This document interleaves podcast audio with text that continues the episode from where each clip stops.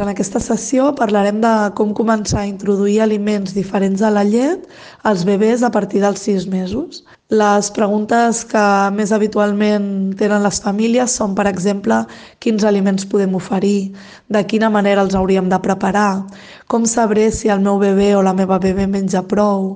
eh, i no hi haurà perill, per exemple, de que s'ennuegui? Entenem que hi ha molts pares, mares, tutors, inclús tiets, avis, que potser doncs, eh, quan,